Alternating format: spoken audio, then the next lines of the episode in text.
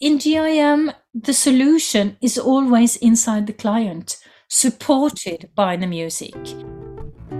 Namecast, the podcast for and by music therapists. Today you are listening to this podcast in English. Why?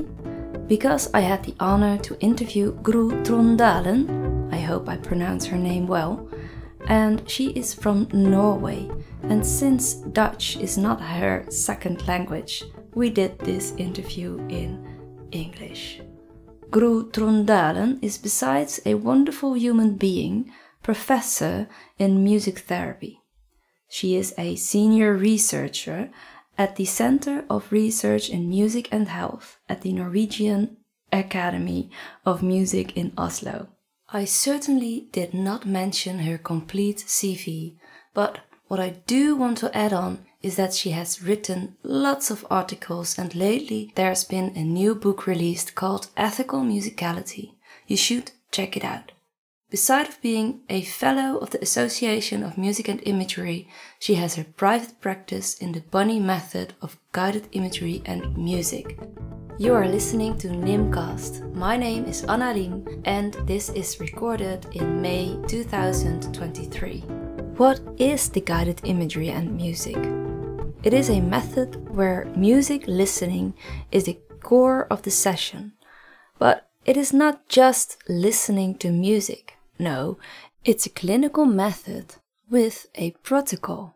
And the music therapist has to be trained in the GIM to give these sessions.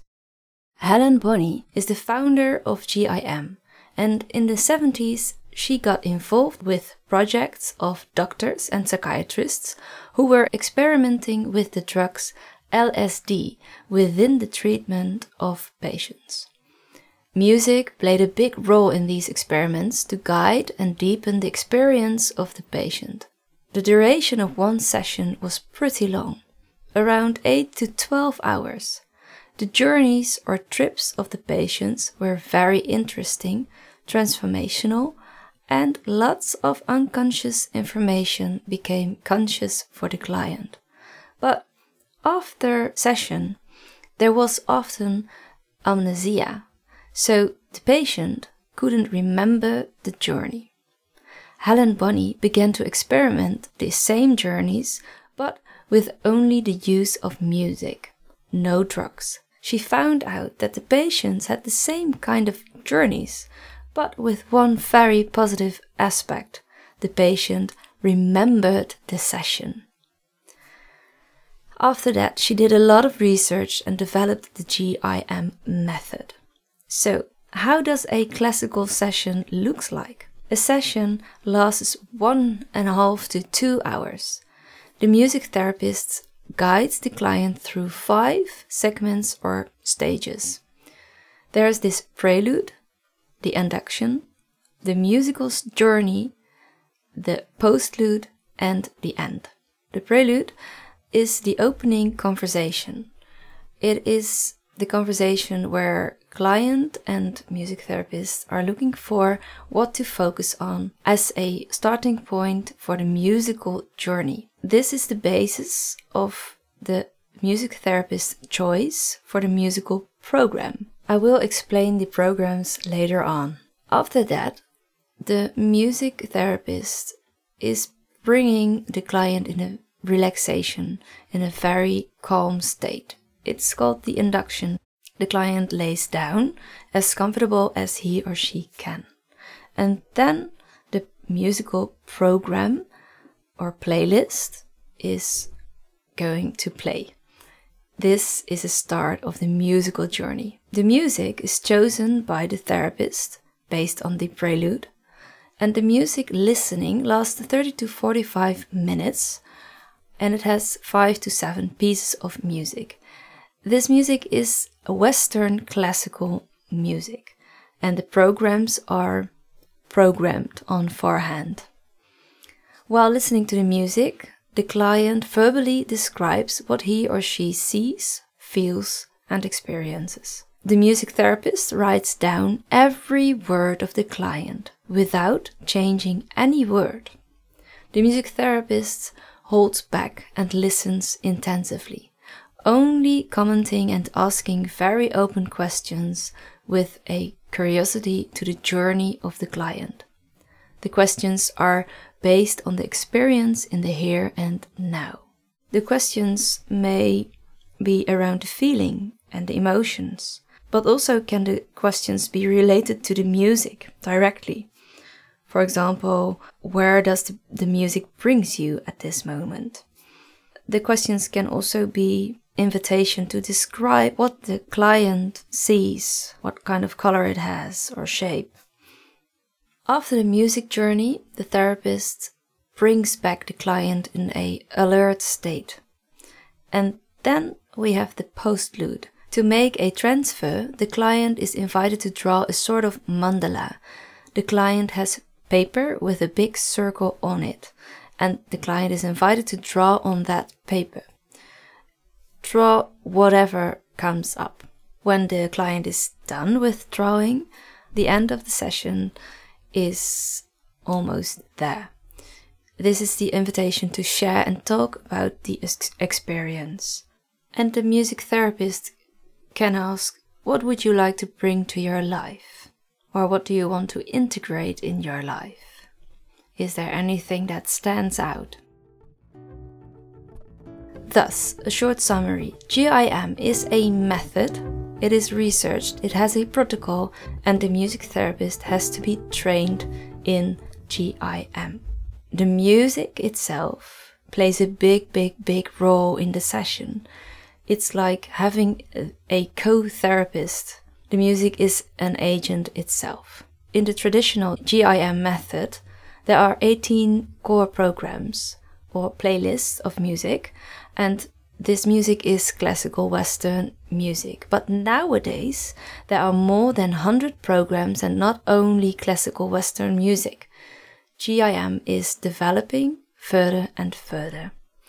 In the conversation with Gro Trondalen, she talks about where it all began for her and what she found important in GIM, but also in the attitude of the music therapist. I enjoyed the conversation very much and I hope you will too. Ladies and gentlemen, Gro Trondalen. Thank you for being here. In preparation of, uh, of this interview, I watched the uh, interview of Helen Bonny. It's a video on YouTube from 1995. And um, she talked about the beginning of her story about the GIM method she developed. And there are many subjects I actually want to discuss, but what was really triggering me was that she was telling her story, and she also said that um, everyone in the room has his or her own story, and that's actually part of the whole process.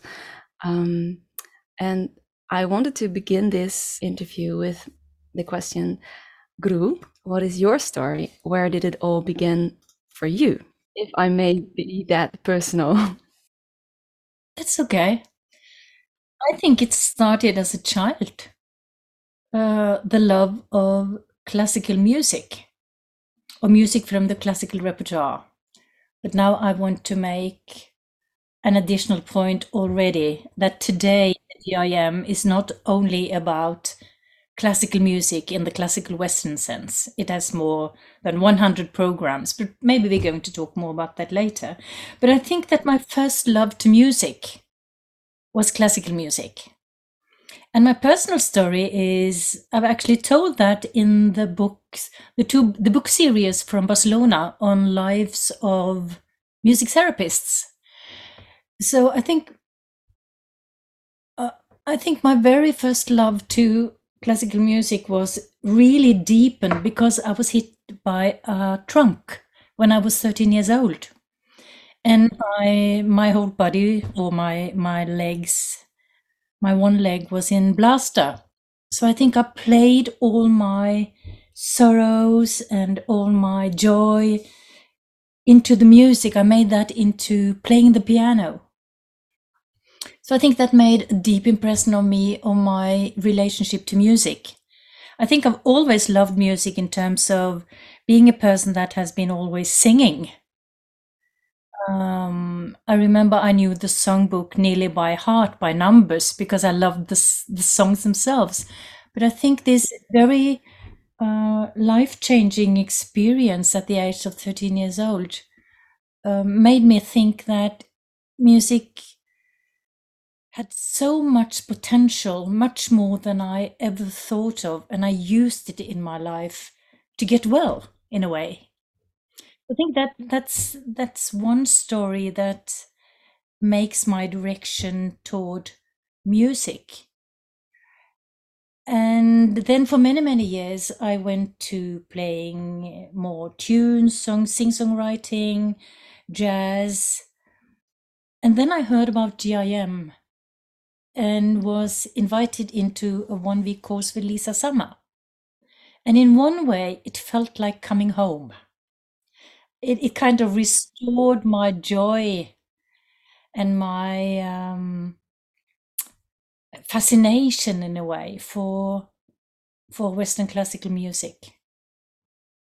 Even though my my love to music is much broader than that, but I saw during that week what GIM, what kind of potential GIM had. I did experience it myself as well. Lisa Summer was very close to Helen Bonny, the founder of GIM, for many, many, many years. And she's really one of those that I learned a lot from. That very first week, introduction week to the GIM training. So I think I brought that with me. That was in 1995. And then I heard about um, Torben Moe in Denmark. He was setting up a course um, within the Nordic language just around 1999, I think it was, four years later. And I thought that that was great to do a GIM training in my own mother tongue. I was in, I was invited previously into course with English speaking people, and I thought it was my time. And that fascinates me with GIM. It is as if people are turning to GIM when is their time? It's not very mysterious, but I think it's a time in life that, okay, that worked for me. So I did two things in parallel. The next years from 1999 to 2004, I had a scholarship, a fellowship as a PhD student. So I did my PhD in music therapy and mm-hmm. my training in GIM at the same time. And people often ask me, How did you manage? And I, and I say, maybe in a humoristic way, it saved my life. I think it really kept me very, very close to the core of music therapy for me, which is the music. And I think that's really important for me. Why GIM? The music. Why a music therapist? The music. About using the music, um, Helen Bonny told about using the wrong music can bring people in very negative spaces. Um, and I find this very interesting because how do you determine what is the right music? And also, is it only about the music? can the music stand alone itself, or does it also have to do with the attitude uh, of the therapist? Um, in advance, I would say that if if it's about the attitude, any trained music therapist can do this. But when I watched the interview, it got clear to me um, because Helen Bonny says uh, you need to be trained in altered states. It's not about training, being trained in in psychology or in um, uh, yeah, well, being a therapist, you need to be trained in altered states.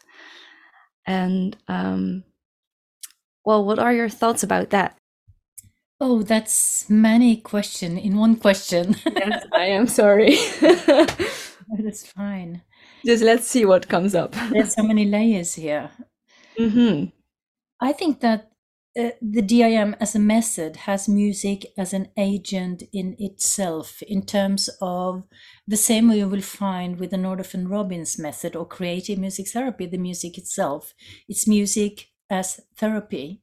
And then you have analytical music therapy, behavioral, um, different kinds of methods or models, if you would like to use that word.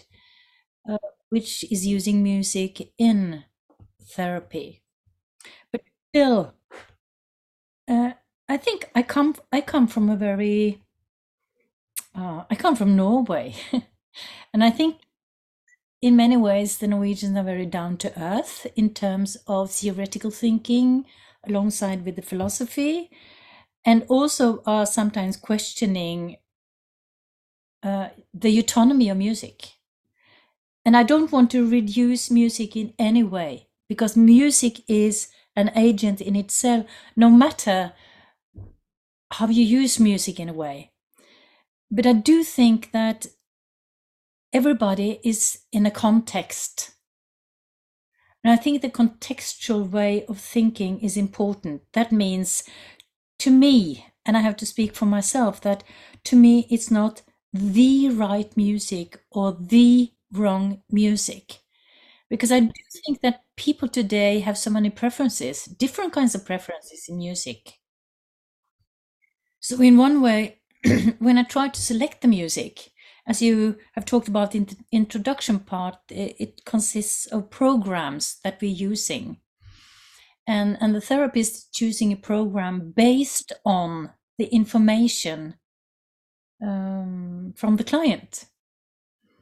And, and to me, that program sometimes may be useful for the client and sometimes not.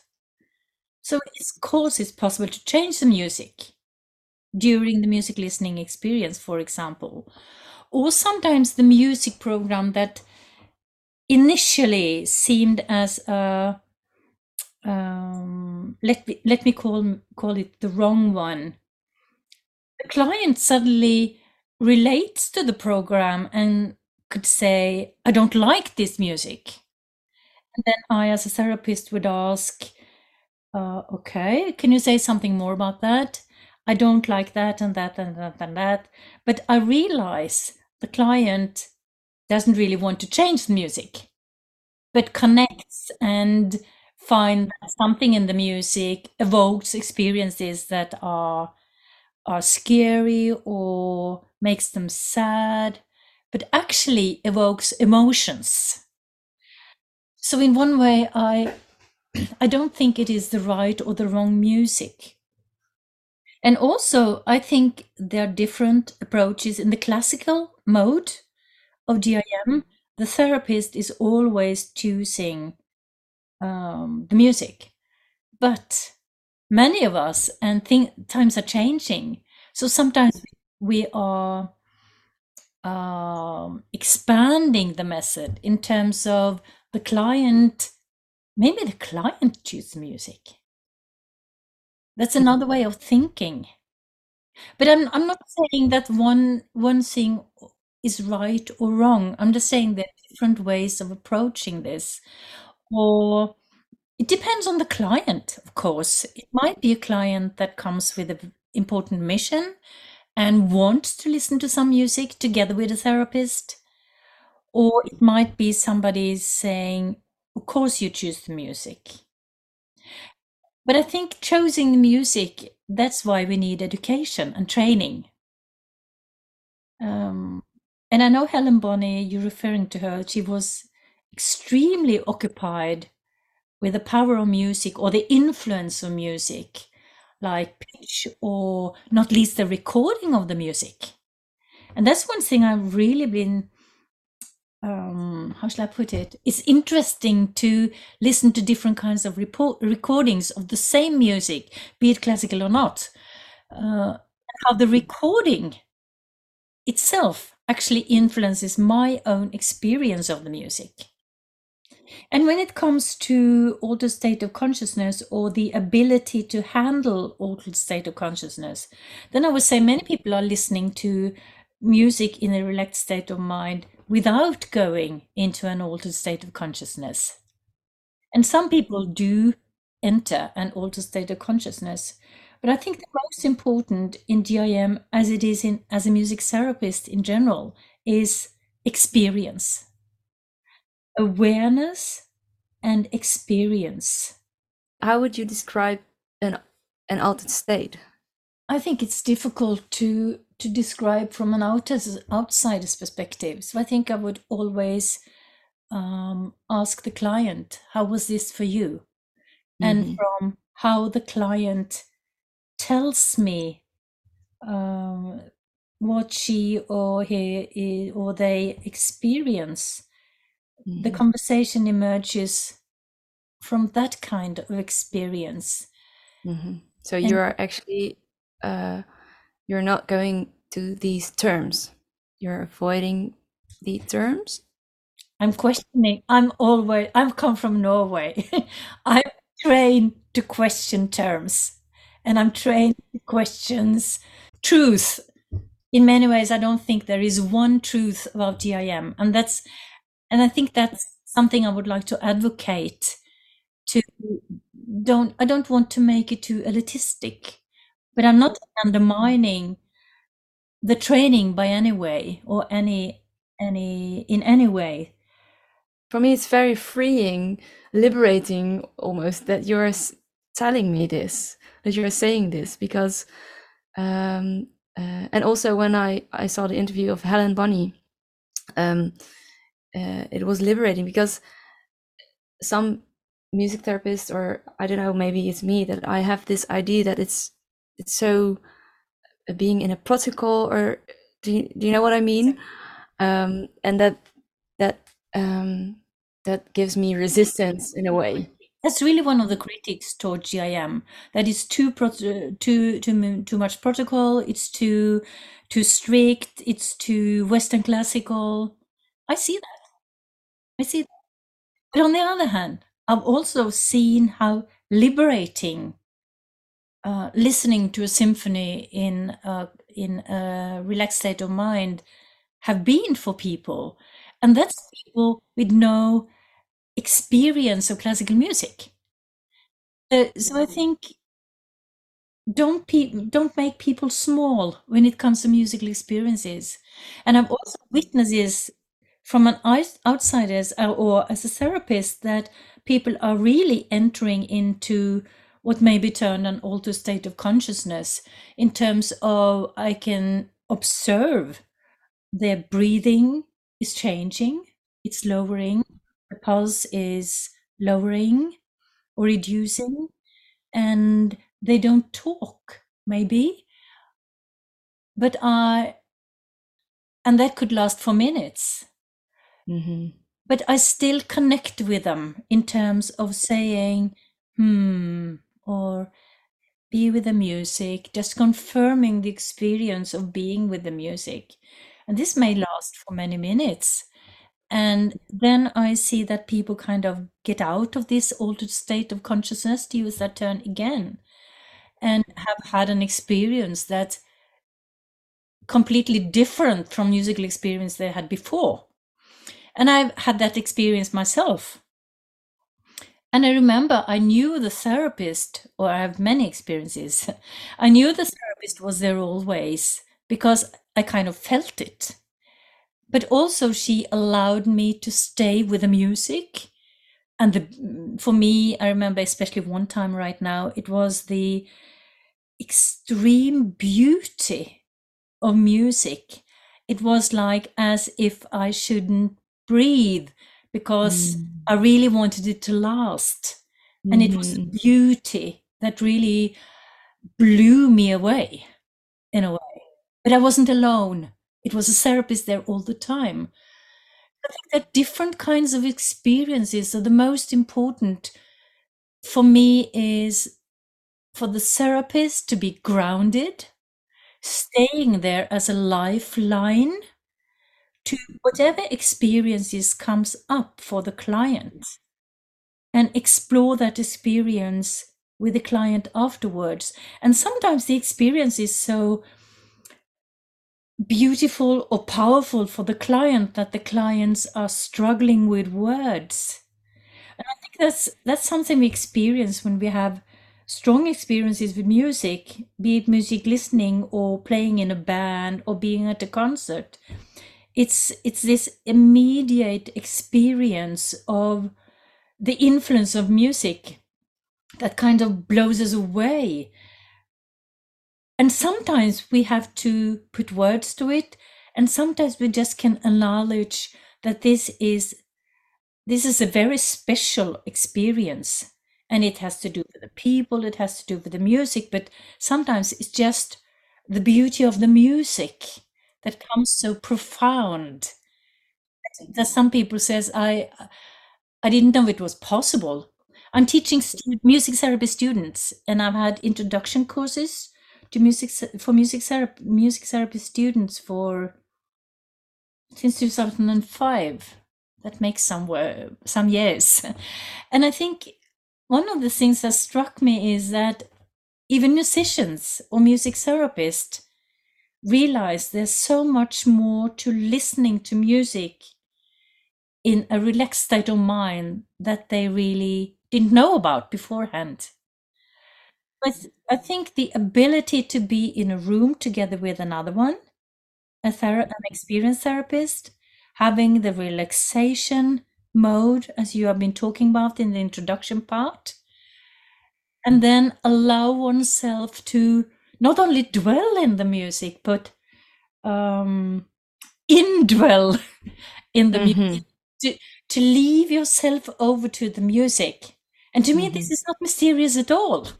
No. It's just a part of allowing oneself to be um, influenced by the music and use the music in your own ways. So I think music afford something, it affords something to us, and how we use the music, how we appropriate the music, that depends on who we are. So to me, GIM is just a unique way of allowing for musical experience to unfold in a safe environment. hmm hmm wow. And then also these experiences could be used therapeutically. Uh, or you can think that if if there is an image, you also talked about the imagery. That could be anything. Mhm. Um, also, how people uh, changes the life direction. For example, I remember one person. She was really struggling. She told me in the uh, prelude, as Helen Bonny called it, the, the the part where we talked together in the beginning, and she talked about her doubts of being a mother. Is this the right way for me? Uh, the right time for me? Isn't it the Mhm. right time? And we just allow that topic to to to be a theme we had talked about in the beginning Mhm. and then she used the next 45 minutes. And in the middle of that journey the topic of having a child or not having a child came up as if something she had been thinking of for such a long time and the music kind of gave her space and time. And afterwards she made the drawing which helen bonny calls the mandala the circle drawing and in that circle drawing she drew two small socks two tiny socks. And when we talked about the drawing afterward i said you've drawn two socks. Would you like to tell me about that? And then she said during the journey i realized now is the time to be pregnant. I don't know if i'm able to be pregnant but now is the time to have kids. So that journey was a turning moment for her in terms of offering her space and time and the ability to dwell and be held by the music while also the music kind of moved supported her thoughts of being moved towards something. So that's my experience that um, topics that already are there may be worked on or developed on through the GIM journey. Mhm. Uh, And sometimes they hear the music and relate to the music, and sometimes they don't. Sometimes they don't hear the music. Mhm. so so people are very different, and sometimes it's a, it's a turning point. Um, sometimes these turning points happens during the altered state of consciousness or the extremely deep listening experience. Mm-hmm. Sometimes it's a more I wouldn't say cognitive because I, I really think that when we keep the music experience on the level of not evaluating our thoughts, just being in the experience, that's where the power is in a way. Mm-hmm. So Mhm. When I use different kinds of intervention that Helen Bonny calls it, I'm very aware that I don't I do not ask questions why is this happening or Mhm. or it's it's always where are you? Um, yeah, exactly. would you like to go closer to the experience? Would you like to? Um, sometimes people are meeting old people or people in the past, um, saying goodbye to a mother that passed away and you were on the other side of the world. And sometimes, if if they meet the mother who's who's uh, passed away some time ago, I might ask them, and they say it is as if she's saying something to me. Would you like to go closer to hear what she's saying? And that also could make a closure uh, and allow the relationship to move on. So therapeutic in that sense as well.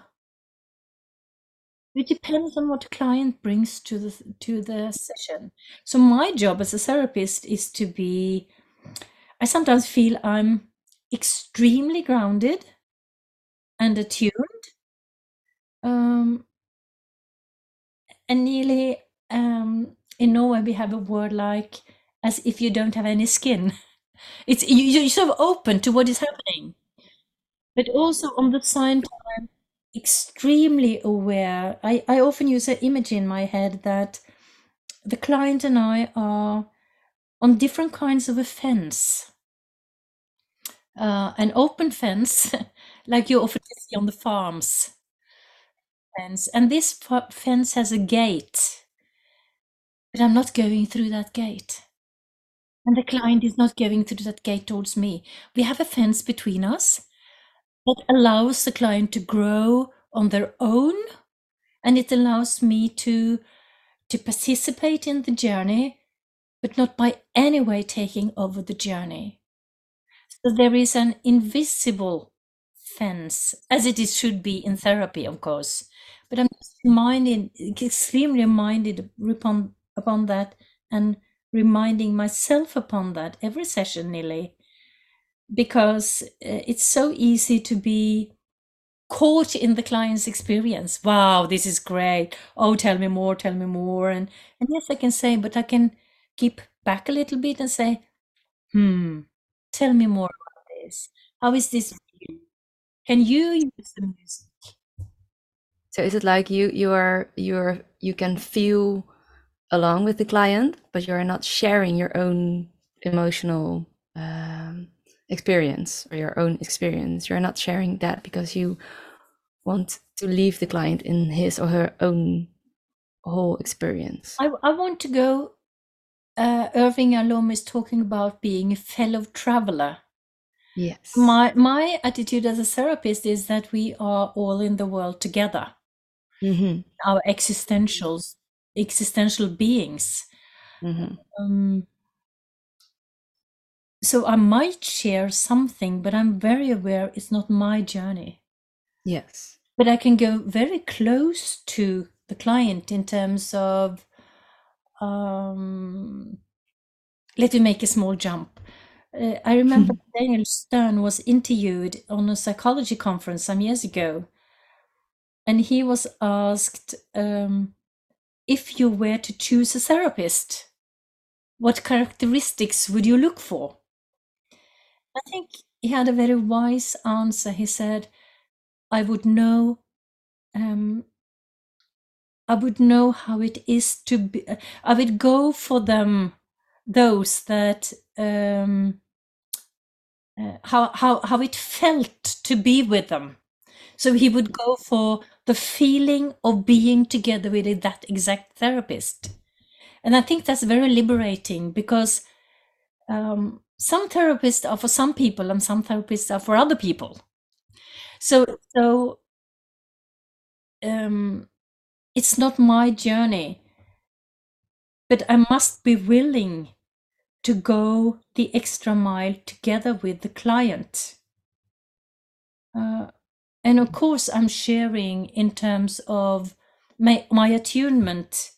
If something sad is happening, it's not artificial at all for me.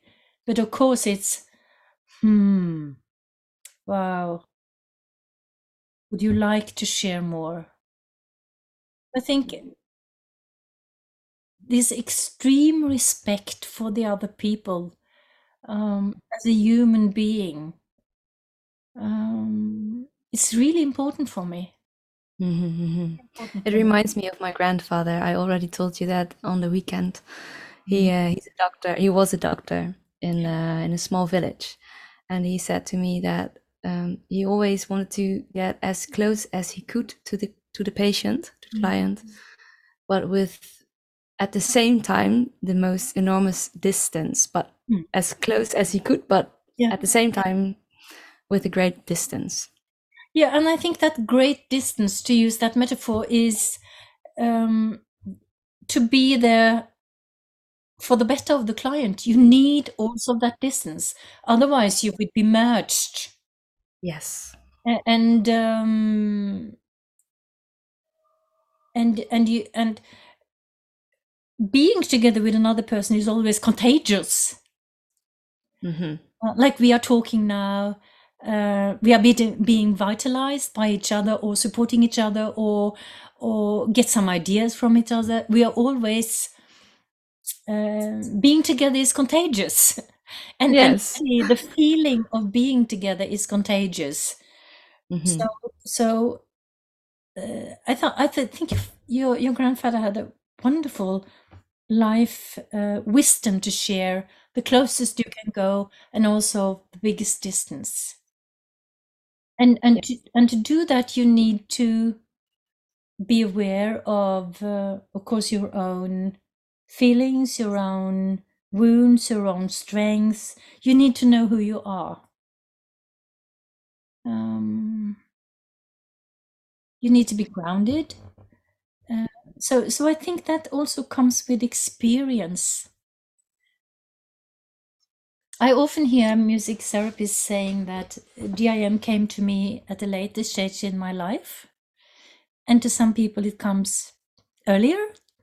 So I think it differs also who you who you are and where you are in your career.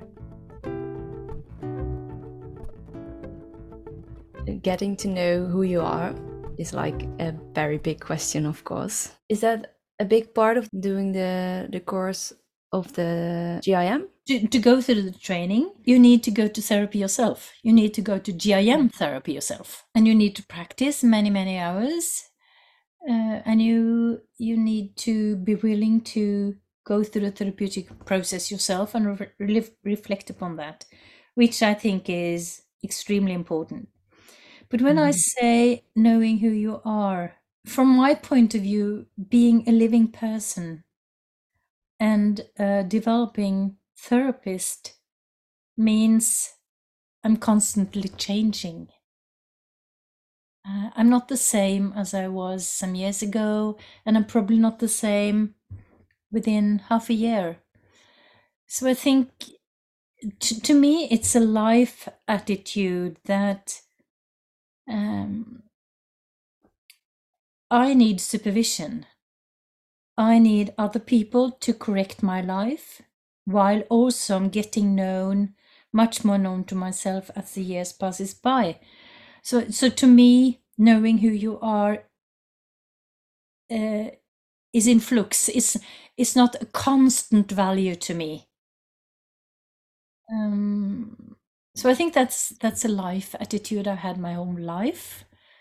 Um, I love to be surprised. I love to surprise myself. And, and I think I'm thinking of the old child psychotherapist Winnicott, Donald Winnicott. He's, he's saying that when the child surprises himself or the child supplies, surprises themselves, uh, that's where change happens. I think the ability to allow oneself to be surprised, to be surprised by the client, to be surprised by life, to be surprised what I managed. Um, it's interesting. I told you that I was a little bit nervous before this interview because we were going to talk our second language. And to some extent, I think we are surprising ourselves because we come into the discussion part or we suddenly are into a kind of mode that flows in a way. Mm-hmm. Yes. Allowing oneself to be surprised. I think that's, I love that uh, expression and I love to be surprised myself. And I think I remember Fran Goldberg, Goldberg once said, I met her only a couple of times, but she made a deep impression on me. She, mm. she also worked very close with Helen Bonny, as far as I understood. Mm-hmm. And she said one of the things you have to learn is to love yourself and forgive yourself. Mm. Um, and I think that's also a life attitude. I'm trying to think of that every year, every every day. Um, there's so many things we don't fix. There's so many things I'm not thinking of in academic ways. Uh, from an outside perspective, I'm a professor, so I'm very successful in that way. And mm. um, but when it comes to life, everybody's equal. Mm-hmm. Um, so, so having a position shouldn't, in my opinion, define who you are because it doesn't. Mm-hmm. And what defines who you are comes down to who you are as a person. Um, for the last, um, I've been teaching ethics for many, many years, and only a few months ago, a new book was launched, which I have called Ethical Humanities, Ethical Musicality, where I mm. go into certain, I talk very much about living an ethical life. So it comes down for me to what kind of ethical subject are you? And ethics here is not only about the law, but it's about what kind of values you have, and not least what kind of hidden values, values you don't know, mm-hmm. that actually um, affect Surprise your life. Yeah, that surprises you and mm-hmm. affects you in so many mm-hmm. ways. But so I think that um, uh, also the the um, the researcher Edward Tronick is talking about in his mutual regulation model that the normal communication is full of errors. Because communication errors. You said errors, errors it's fault it mistakes. Mm-hmm, uh, yes. communication is never perfect. But that's the perfect communication in a way. And the most important is how you kind of deal with didn't work out perfectly and i think that's also a value that i bring into gim when i try to support the client in my best way it might not be the right way for the client. So I have to surprise both the client and myself, turning in another direction or asking the client, could you guide me? Where are you right now? Is there anything you need in the journey? Can you look around? If I remember, for example, a person was stuck in a well, in the bottom of a well. Mm-hmm. Um, and then I asked during the journey, is there anything you need? I need to get out of this well. So instead of get, of course he did. He wanted to get. Out. So then my intervention would be, if you look around, is there anything you can need? Because the solution comes from the client. And then he suddenly said, oh yes, here, here is a rope. Fantastic. So I think in GIM, the solution is always inside the client, supported mm-hmm. by the music. And in this mm-hmm. exact example, I knew the music would change within a few seconds. And I think that's also the case that you probably have stressed that, stressed that in the introduction part as well is that the guide needs to know the music. The Mhm. guide really knows to dwell in the music on her own, to know where the music changes and Mhm. guide in connection with the music. Mhm. There is a, a, a triangle in a GIM session. It's always the music and the therapist and the client. And these Mhm. three has to optimize the playing together in a way. And to do that, the, the therapist really needs to know the music, where the music changes. And is this also important because uh, to not get overwhelmed by the music yourself as a music therapist? Oh yes. Oh yes.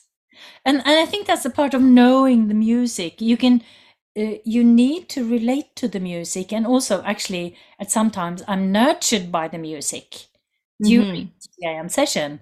I'm allowing myself to be the new, nurtured by the music and breathe the music and and and use that energy or whatever term to use. Energy is not mysterious to me. It's just uh, something you can use. And energy is different to different kinds of people. But uh, I can I can use the music, nurturing myself to be a bet uh, to be at my very best as a GIM therapist. Mhm, Knowing the music is also extremely important. Um, whatever kind of music you choose to use. Um, in Norway, there's um, a program that's developed that's only with Norwegian music. It's developed by Even Ruud and Hallgjerd Aksnes. Hallgjerd and Even, they developed the program and tried it out on many, many people. Made it a trial and uh, and then changed the music and but still it's only Norwegian uh, music, which for some people in Norway may resonate with Norwegian nature or Norwegian metaphors, but to Mhm. some people it gives other connotations. So I think um, thinking of music as an inviting space, as uh, as an invitation for the listener to explore themselves. I think that's my my basic assumption and my way of thinking around the music. Mhm, mhm. Then Mm. anything could happen. Yes. Yeah, life could happen, and I think that opens for development as human beings. Mhm, also mhm, as, a, mhm. as an existential level or at a very concrete level as i mentioned with the one that was ready to have a child or others could say hello to the deceased one the missed one the loved ones or other again could work on a dilemma in a life. So it's very cro- close to our real life experiences and it's also the experience of the extreme power of music or, or the, the not the power and not the the beauty of the music um, i think that that reminds me of uh, why i became a music therapist in the beginning it's the music And now we're back to the beginning of this conversation. Wow. Thank you so much for sharing, inspiring um, your story and what you stand for. thank you for inviting me If you are still here, I want to thank you for listening. And if you have feedback or questions, please send your email to post at hetnim.nl. P O S T at H E T N I M dot N L. You have come to the end of this podcast. Almost. In the outro, you will hear the last words of our post conversation. I think it's important to for me to demystify. Yeah, demystify and also upgrading the power of music which I, which I think many many music therapists don't know. For me, there's a kind of paradox in it because um, the power of music is, in a way, very mystic. Yeah, in itself. But that's why I am so happy with people like you, um, the researchers. But also, that's so funny because I I feel like you are a human that's mm. on the first place and you have the role as a researcher and as a music therapist and as a teacher and as a lecturer um, uh, but but the the basic you you you really have this connection with um, with you as a human being hmm. That's actually something that i think i used the GIM for and that was to try to integrate the different roles in me. I, I previously previously said that in one way, um, I say it in a funny way that GIM saved my life. Um, yes. Um, and of course, the music really influenced me in in ways it didn't do beforehand. But also, I decided when it was my time to go to GIM therapy. Mm-hmm. I worked very much on the different roles because at that time I was um, the first female uh, working on a PhD on music therapy in Norway. Oh, wow. Uh, and um, I was a mother of two kids. I mm-hmm. was a wife of a husband. Mm-hmm. I was an academic at the training program. Mm-hmm.